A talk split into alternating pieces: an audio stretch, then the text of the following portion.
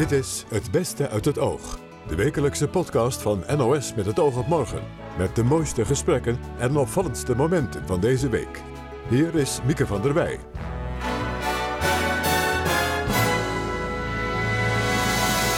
Hartelijk welkom. Fijn dat u weer luistert naar de mooiste gesprekken van de afgelopen week. Met PC-hoofdprijswinnaar Maxime Februari. We spraken met hem over het schrijversvak. Schrijven is vooral ook heel erg veel praten. Dus overal gaan praten met iedereen, overal naar luisteren. eh, en dat is, dat is heel erg veel werk. En 3FM-DJ Eva Koreman vertelt waarom zangeres Billie Eilish zo ongekend populair is. Zij is niet een hype. Eh, zij is eh, een fantastische zangeres, eh, muzikant, eh, artiest met eh, een visie en een boodschap.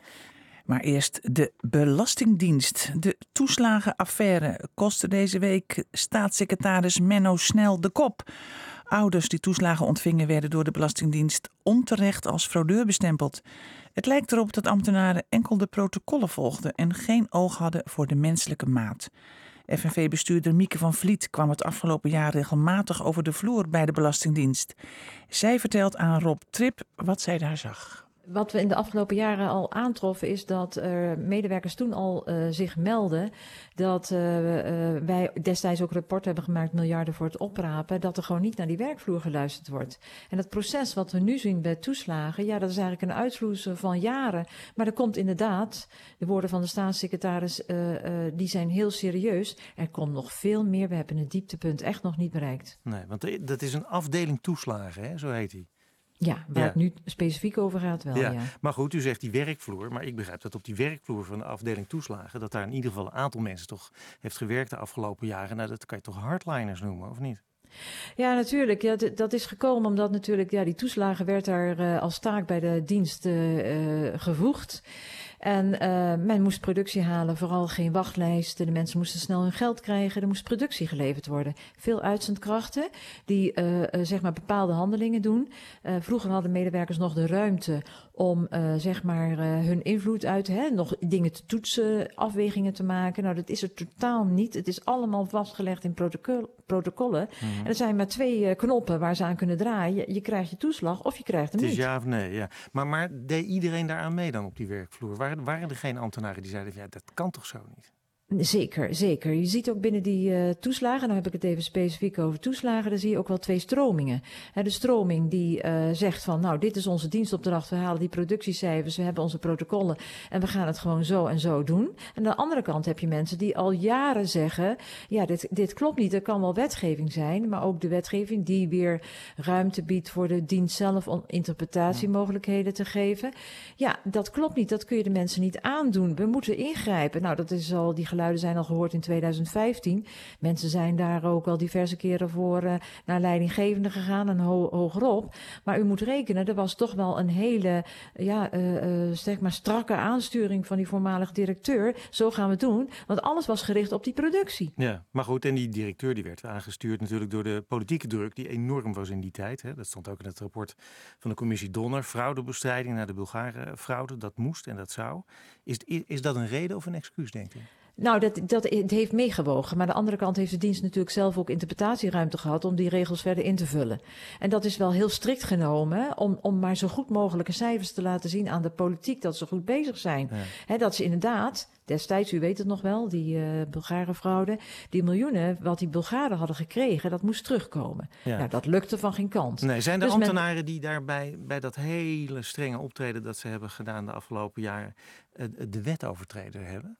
Ja, kijk, dat, daar ga ik geen uitspraken over doen. Maar daar komt ook een onderzoek naar. Maar het kan haast niet zo zijn dat dat niet is gebeurd. Want ik hoorde de SP de feiten... zeggen in de Tweede Kamer... de Rijksrecherche die moet daar onderzoek over gaan doen.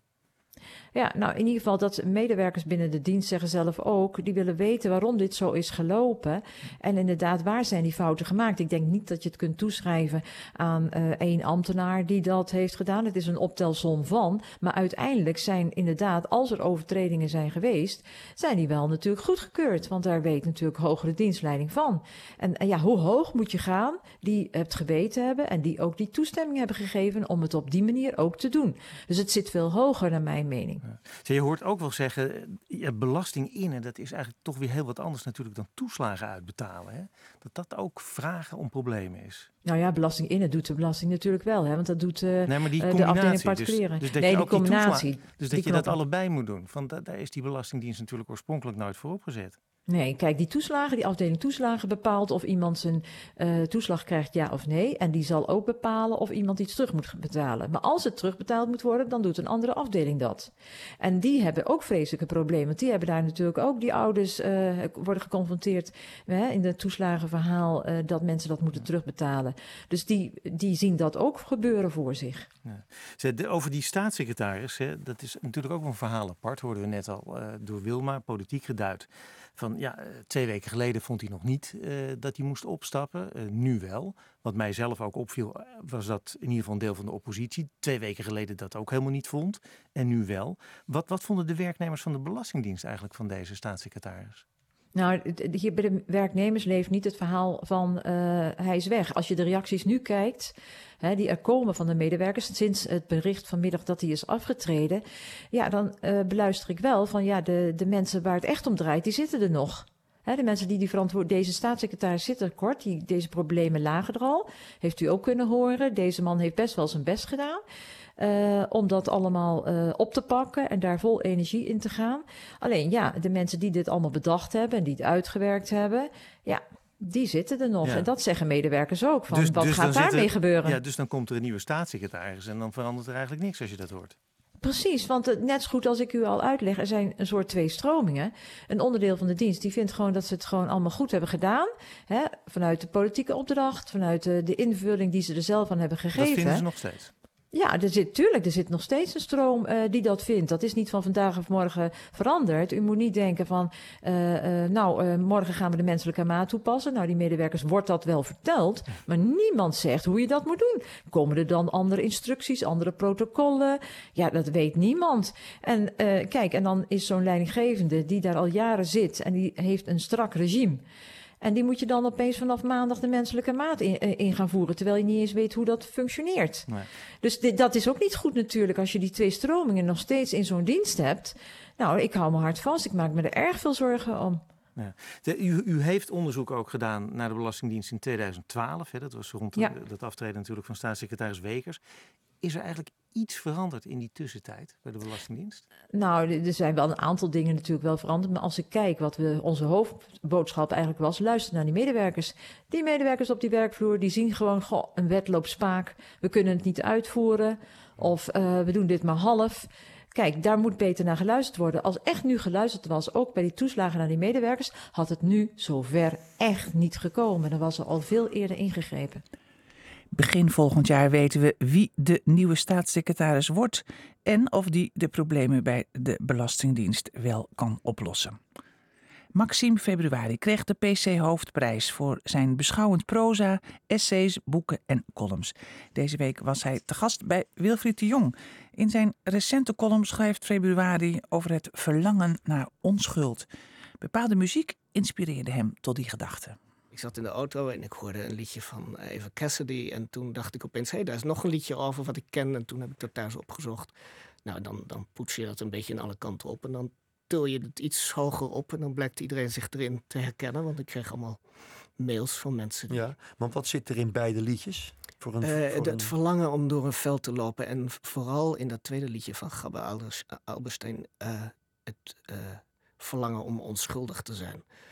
En ik had de laatste tijd zoveel eh, eh, teksten gelezen in kranten. van waar wij allemaal precies schuldig aan zijn en over zijn. En eh, ik voel mezelf ook steeds schuldiger. Als ik nu. Gisteren, gisteren heb ik gehoord dat, ik, dat mij die prijs wordt toegekend. En toen heb ik mezelf enorm verwend door de verwarming een graad hoger te zetten. ja. Ehm, En daarna onmiddellijk warmteschuld? en, en ja, nou ja, precies.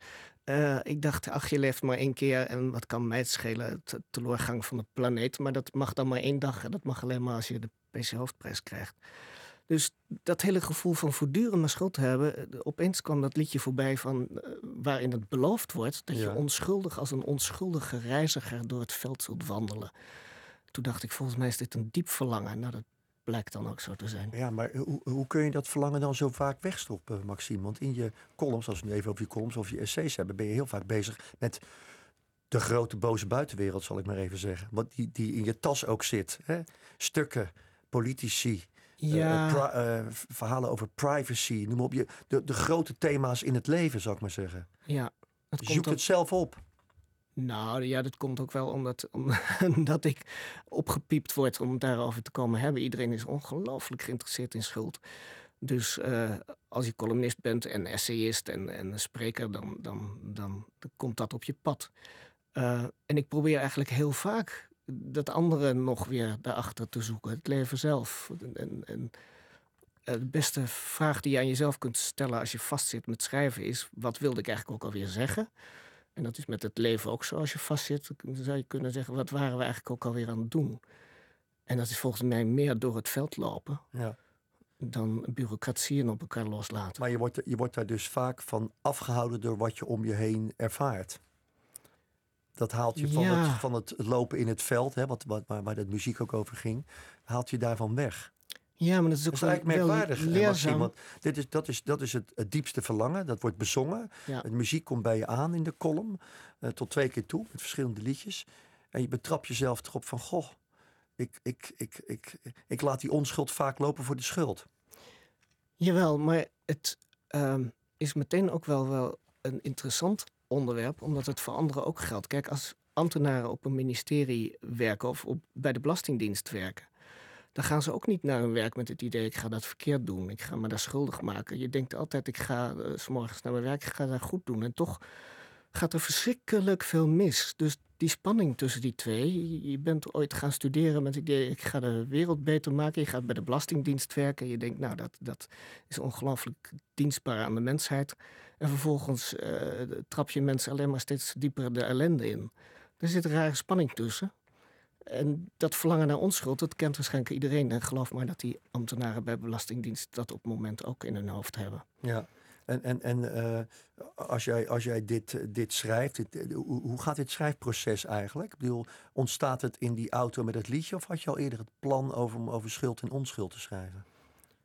Nee, die dingen die klitten dan aan elkaar vast. Inderdaad, mijn, mijn, mijn vermoeidheid en, en, en niet meer in staat zijn om een heel nieuw onderwerp nieuw te gaan uitdiepen. En dan denken, oh, dat is interessant, want dat geldt voor andere mensen ook. En dan, dan, dan ga je een beetje literaire technieken daarop loslaten en eh, wat stijlregisters wisselen en, en eh, eh, iets met stemmingen en em- emoties. En dan heb je al heel gauw weer een stuk. Ja, Althans, niet maar zo heel gauw, je, maar... nu doe je, ik wou net zeggen, nu doe je wel even heel makkelijk af. Want je zegt nu al gelijk niet gauw, dus je doet er wel even nee, dat, over. dat, dat, dat, dat duurt even, want je moet, moet zorgen dat het niet al te particulier wordt. En, en, En waarom eigenlijk niet? nou, omdat het voor andere mensen ook, ook eh, interessant moet zijn. Maar juist, ik, ik heb juist de indruk dat, dat als ik naar veel documentaires kijk op televisie of stukken lees of boeken lees, dat juist het particuliere zo aanslaat in deze tijd. Mensen willen dat alles echt is en heel persoonlijk. Dan is het goed. Ja, maar er is een verschil tussen eh, echt en echt. Ehm, het kan heel erg persoonlijk worden en dan daardoor juist heel erg oninteressant. Maar je kunt ook op zoek gaan naar iets wat je met elkaar deelt. En ik denk als je. eh, Ik dacht dat vandaag vanwege die prijs, waarom krijg ik veel dankbare mails daarover van mensen? Niet omdat ze vinden een eerbetoon aan mijn schrijverschap, maar ook aan hun eigen lezerschap. Ehm, ze denken dat wat ik graag lees en wat ik belangrijk vind, eh, dat wordt nu ook door anderen eh, als belangrijk gezien. Dus ik denk dat, dat, dat om een column heen of om essayistiek heen klonteren als gemeenschap, eh, dat dat iets gedeelds heeft. En dat Ja. kan alleen maar als dat particuliere voor anderen herkenbaar is. En, en, maar in je column kom je ook nog op het woordje kitsch. Hè? Dat, dat het heeft iets heel moois. Dat je met je blote Mhm. voeten over de aren loopt op een veld. En dan voel je dat je leeft. Dan voel je de eenvoud van het leven. Van je draait het kennelijk om. Maar het woordje kitsch komt ook in je column voor. Dat er ook de angst bestaat dat het een beeld wordt wat net even te opgepoetst lijkt door de schrijver. Ja, maar ik moet mezelf altijd vreselijk in de gaten houden, want ik ben een natuurromanticus. En dat is natuurlijk ontzettend verdacht. Ik kan allerlei hele foute vormen gaan aannemen. En we zitten nu helemaal met elkaar in de samenleving waar je ook bureaucratieën nodig hebt, de rechtssystemen en weet ik veel wat voor ellende allemaal.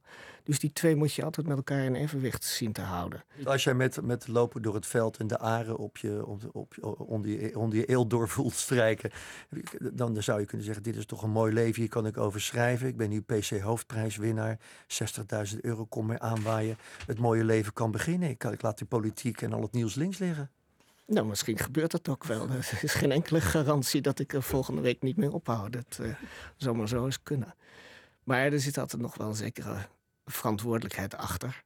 Uh, ik betrap mij er ogenblikkelijk op dat als ik iets hoor over prijs, dat ik denk van, oh, hoe kan ik dat dan weer ten nutte maken voor de samenleving? Welke groep ga ik nu weer vertegenwoordigen in het...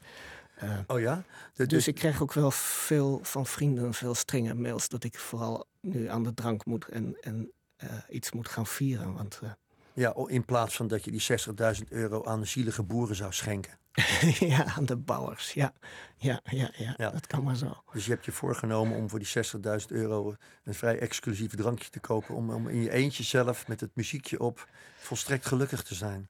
Ja, maar de ellende is dat ik dan volgende week weer ongelooflijk hard aan het werk moet om mijn eh, geld te verdienen. Dus ik, ik ben bang dat ik het toch gewoon ga inzetten om mijn, mijn werk te gaan doen. Want het is heel duur werk. Dus ik moet dat geld. Dat, dat snappen mensen niet. Mensen denken een laptop openzetten en tikken is niet duur. Dat is goedkoop. Ja, maar je krijgt eigenlijk altijd alleen maar betaald voor die paar uur dat je ergens bent of voor die paar woorden die je opschrijft. En niet voor al dat denkwerk dat eraan vooraf gaat en al die investeringen in onderzoek en met mensen praten. Want schrijven is vooral ook heel erg veel praten. Dus overal gaan praten met iedereen, overal naar luisteren. Uh, en dat is, dat is heel erg veel werk. Ja, u hoort het. Schrijven is heel duur werk. Hartelijk gefeliciteerd, Maxime Februari, met de PC-hoofdprijs. Zangeres en muzikant Billie Eilish werd deze week 18 jaar. Wilfried de Jong sprak aan de vooravond van haar verjaardag ook met 3FM-dj Eva Koreman over dit megatalent. Koreman interviewde Eilish twee keer en daarbij viel haar het volgende op. Aan de ene kant heb je helemaal niet in de gaten dat je een met nu nog 17-jarige praat, omdat uh, er gaat een enorme uh, wijsheid van haar uit. En het is een beetje zo'n goor cliché, maar echt zo'n echt zo'n oude ziel. En ze weet ook heel erg goed wat, ze, wat ze wil. En aan de andere kant vond ik ook wel het mooie dat toen ik haar in februari sprak, dat toen de moeder dan zei, want die was erbij, van nou Billy, het, is klaar, het interview is klaar, je moet meekomen. Dat ze een beetje zo was van, nou mam, Weet je wel, dat ze dan ook wel weer heel even zo'n puber is. Ja, ja ik, las, ik las een interview met Rolling Stone. Een groot, groot, groot verhaal over haar. De, zij, zij noemt zichzelf een make your mama sad type.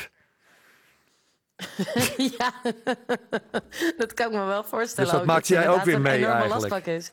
Ja, ja, ja. Ja, ik vond het mooi dat jij, jij zei net van, hè, iemand wordt dus morgen 18 en je zegt, ja, er zit een oude ziel in. Wat bedoel je daarmee? Nou, dat um, als je kijkt, of als ik bijvoorbeeld naar mezelf kijk, toen ik uh, eh, 17 was, dat je het misschien moeilijk vindt om op bepaalde dingen te reflecteren en kritisch naar jezelf te kijken. En dat je wereld natuurlijk een stuk kleiner is als je 17 bent dan wanneer je een aantal jaar uh, verder bent. Dat je andere dingen in het leven ook uh, belangrijk gaat vinden. Ja. En ook empathischer wordt natuurlijk ook naarmate je ouder wordt. Maar um, eh, zij is daar gewoon echt heel erg ver in. Ja, want welke thema's bezinkt zij eigenlijk dan als zij zo'n oude ziel heeft? Dat gaat niet over dat ehm, ze de, e-, op de eerste fiets rijdt. Nee, nee, nee, zeker niet. Um, ja, ze is niet bang om haar uh, demonen te omarmen. Dat vind ik ook echt heel erg uh, bijzonder. Maar dan gaat het ook over uh, mentale gezondheid, over depressie, over um, angsten. En um, het gaat uh, nee, inderdaad niet over de eerste fietstochtje. Nee, uh, maar dat zou dus betekenen dat, dat zij in haar nog, nog jonge leven al dingen heeft meegemaakt. Die, die, die ervoor zorgen dat ze een oude ziel heeft en, er, en het ook uit wil schreeuwen, uit wil zingen, zou ik maar zeggen. Wat, wat, is, wat, wat behelst haar leven tot nu toe dan? Um, of laat ze er niet zoveel nou, over los, hoe, hoe, wat ze heeft meegemaakt? Nou, eigenlijk, uh, eigenlijk wel. Um, in de, de, tweede keer dat ik haar, haar, interviewde, toen hebben we het ook um, gehad over dat zij eigenlijk nooit meer contact maakt met de natuur. Dat is Iets wat voor ons heel vanzelf, ja, wat voor ons heel vanzelfsprekend is om eh, een, een boswandeling of zo te kunnen maken. En ik kwam daar met haar op omdat toen ik het eh, terrein opkwam waar ik haar mocht interviewen, toen zag ik haar daar staan. eh, bij paarden. Want daar stonden paarden om de hoek. En toen was ze, en toen was ze dus echt, echt 17. Ze is heel blij en, eh, nou ja, weet je wel, vervuld van, van, van een hoefdier. Zoals je dat kan zijn als je eigenlijk een paardenmeisje bent. Spreek vooral voor jezelf, zou ik zeggen. ja. En, en, ik, en ik vroeg haar daarnaar, van, want ik vond dat een, een heel mooi eh, moment. Een heel mooi eh, teder moment. Dat, een gestolen moment ook. Want ik, ja, ik, ik was daar, ik had, haar, ik had dat niet eh, moeten zien of ik, ik kwam daar gewoon langs. En toen zei ze, ja, dit, dit was een fantastisch moment eh, voor mij. Daar ben ik zo dankbaar voor. Want ik heb nooit meer de kans om een paard te aaien. Of om eh, contact te maken met de natuur in het algemeen. Omdat zij altijd eh, aan het werk is. Ja. Altijd onderweg is. En zo ontzettend wordt afgeschermd ook van de buitenwereld. Ja, ja, dat doet ze ook een beetje zelf, denk ik. Eh, of misschien dat ze door de ouders gestuurd wordt. Maar goed, tijdens een van die interviews zei, eh, eh, zei ze dit tegen je over, over een nare droom die steeds terugkwam. Like I remember having a reoccurring dream where I was at a meet and greet and I get shot in the head by this one guy and I know exactly what he looks like. I know where the room is. I know what it looks like and I feel like it's going to happen. And I that sounds like really dark, but I don't know. I feel like my dreams always happen. Ja, nou ja, ze, ze- die dromen die, die, dat houden haar dus erg bezig. Ze is bang dat ze in de hoofd wordt geschoten, als ik begrijp. Ja, ze gaat er eigenlijk vanuit dat dit de manier is waarop ze aan haar einde komt. Ze weet precies wie die persoon is, hoe die eruit ziet. Het gaat dus gebeuren tijdens een meet and greet. En zij zegt, ja, ik heb, eh, ik heb voorspellende dromen al mijn hele leven. En dit gaat mijn einde zijn. Ja, ik las in datzelfde Rolling Stone interview. Ze zegt, ik, ik, ik, word, ik zal nooit 27 worden, want dat is ook te oud, zegt ze dan over zichzelf. Dan hoort ze dus ook niet bij het beroemde club van mensen van 27, hè, van Koert Cobain en consorten. Eh, maar dat ze dat ook te oud vindt. Eh, Wat, jij, jij zegt een oude ziel, maar dit klinkt als iemand die, eh, die voor haar gevoel nog maar een paar jaar te leven heeft. Is zij zo zwartgallig? Ehm, ja, ze is wel eh, donker. Ja, zeker. Ehm, zeker tijdens dat eh, interview ook wat ik dus met haar had in februari. Maar het mooie is dan wel weer dat ze in augustus van dit jaar, dus een half jaar later, eigenlijk alweer veel eh, lichtvoetiger aanvoelde. En, dat, en moesten we ook veel meer lachen. En ja, we voelden het, voelde het echt alsof ze uit een bepaald dal eh, was gekropen. Wat ook heel erg normaal is natuurlijk, omdat emoties elkaar ook wat sneller afwisselen als je in Als je s- puberteit zit. Ja, precies. Want eh, misschien is dat het ook gewoon. Hè? En, en is het nou, eh, het slaat enorm aan bij, bij heel jong publiek. En ook de ouders van de kinderen, zou ik maar zeggen, gaan graag mee naar die concerten of zetten, zetten de muziek op. Wat, wat, wat zegt dat? Dat zegt dat we hier met een wereldster te maken hebben met ongekend talent. Want eh, zij, is niet, zij is niet een hype.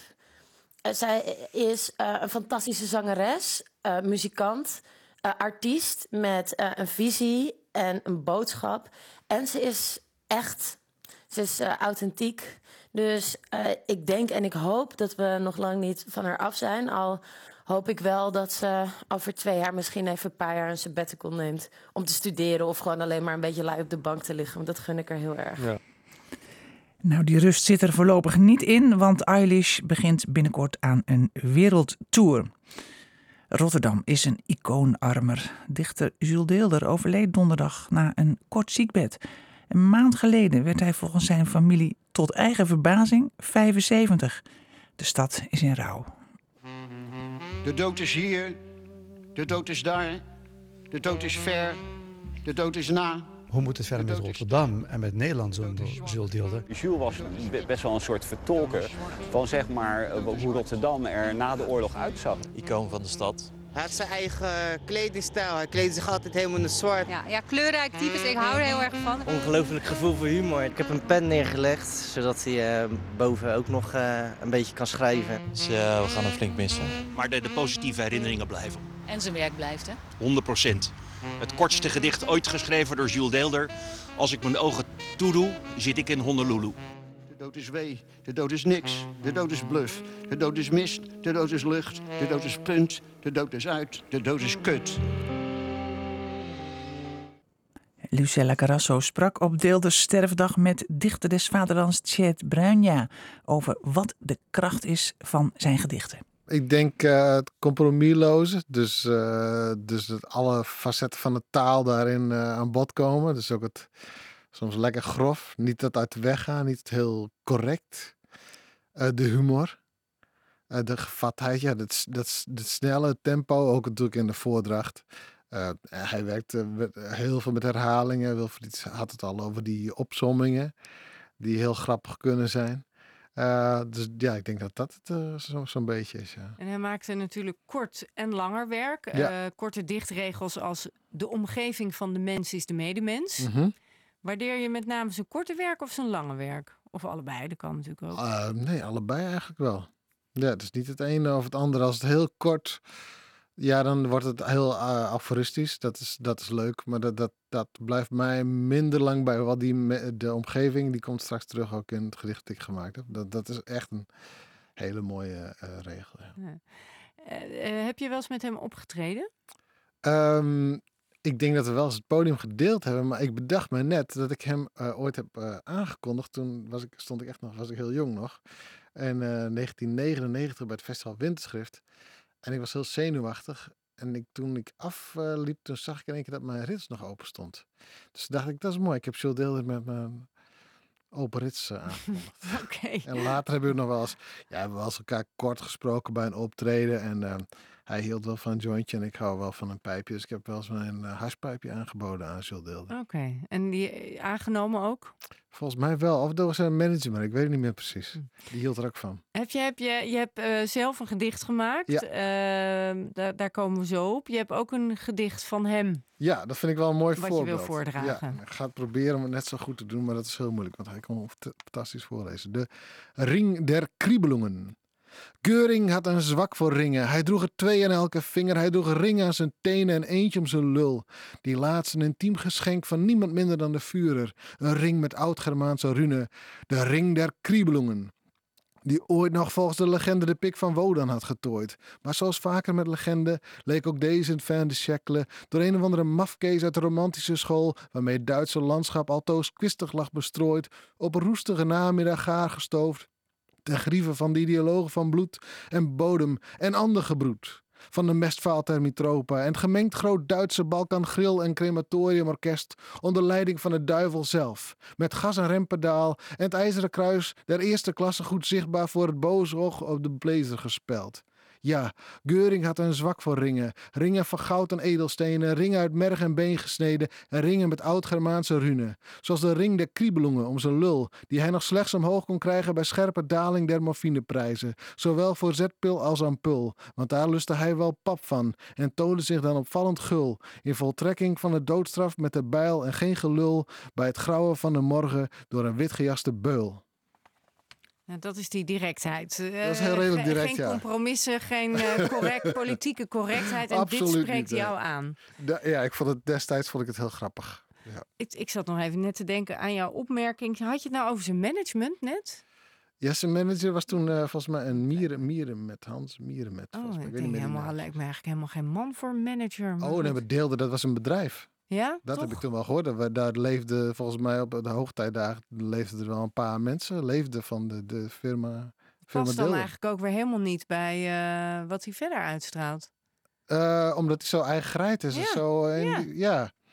ja, maar wel iemand die ook eh, een winkel eh, draaide, toch? Die ook gewoon eh, eh, reclame maakte voor, een- voor een wasmiddel volgens mij. ja, of, eh, ja, ja, en daar heb je natuurlijk een manager voor nodig, hè? Die al die contracten nou prima. af, afsluit. Ja.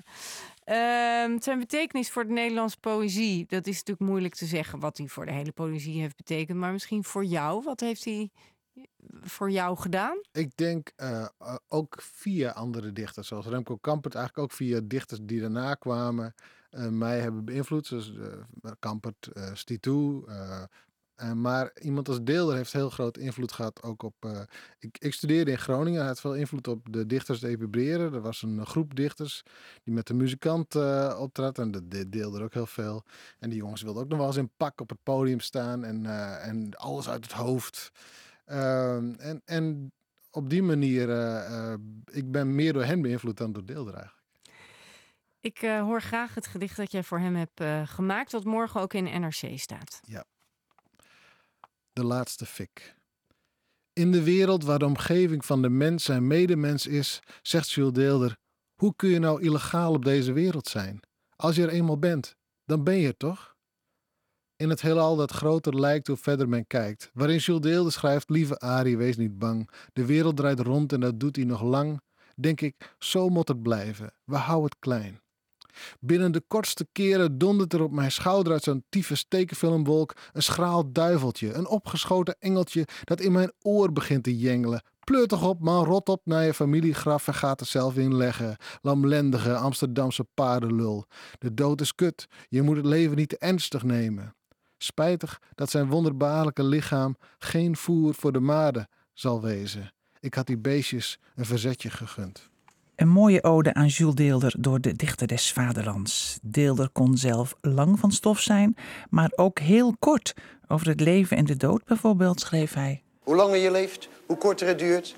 En zo is het. En dit was weer het beste uit het oog van de afgelopen week. Dankjewel voor het luisteren en graag tot de volgende week. Dag.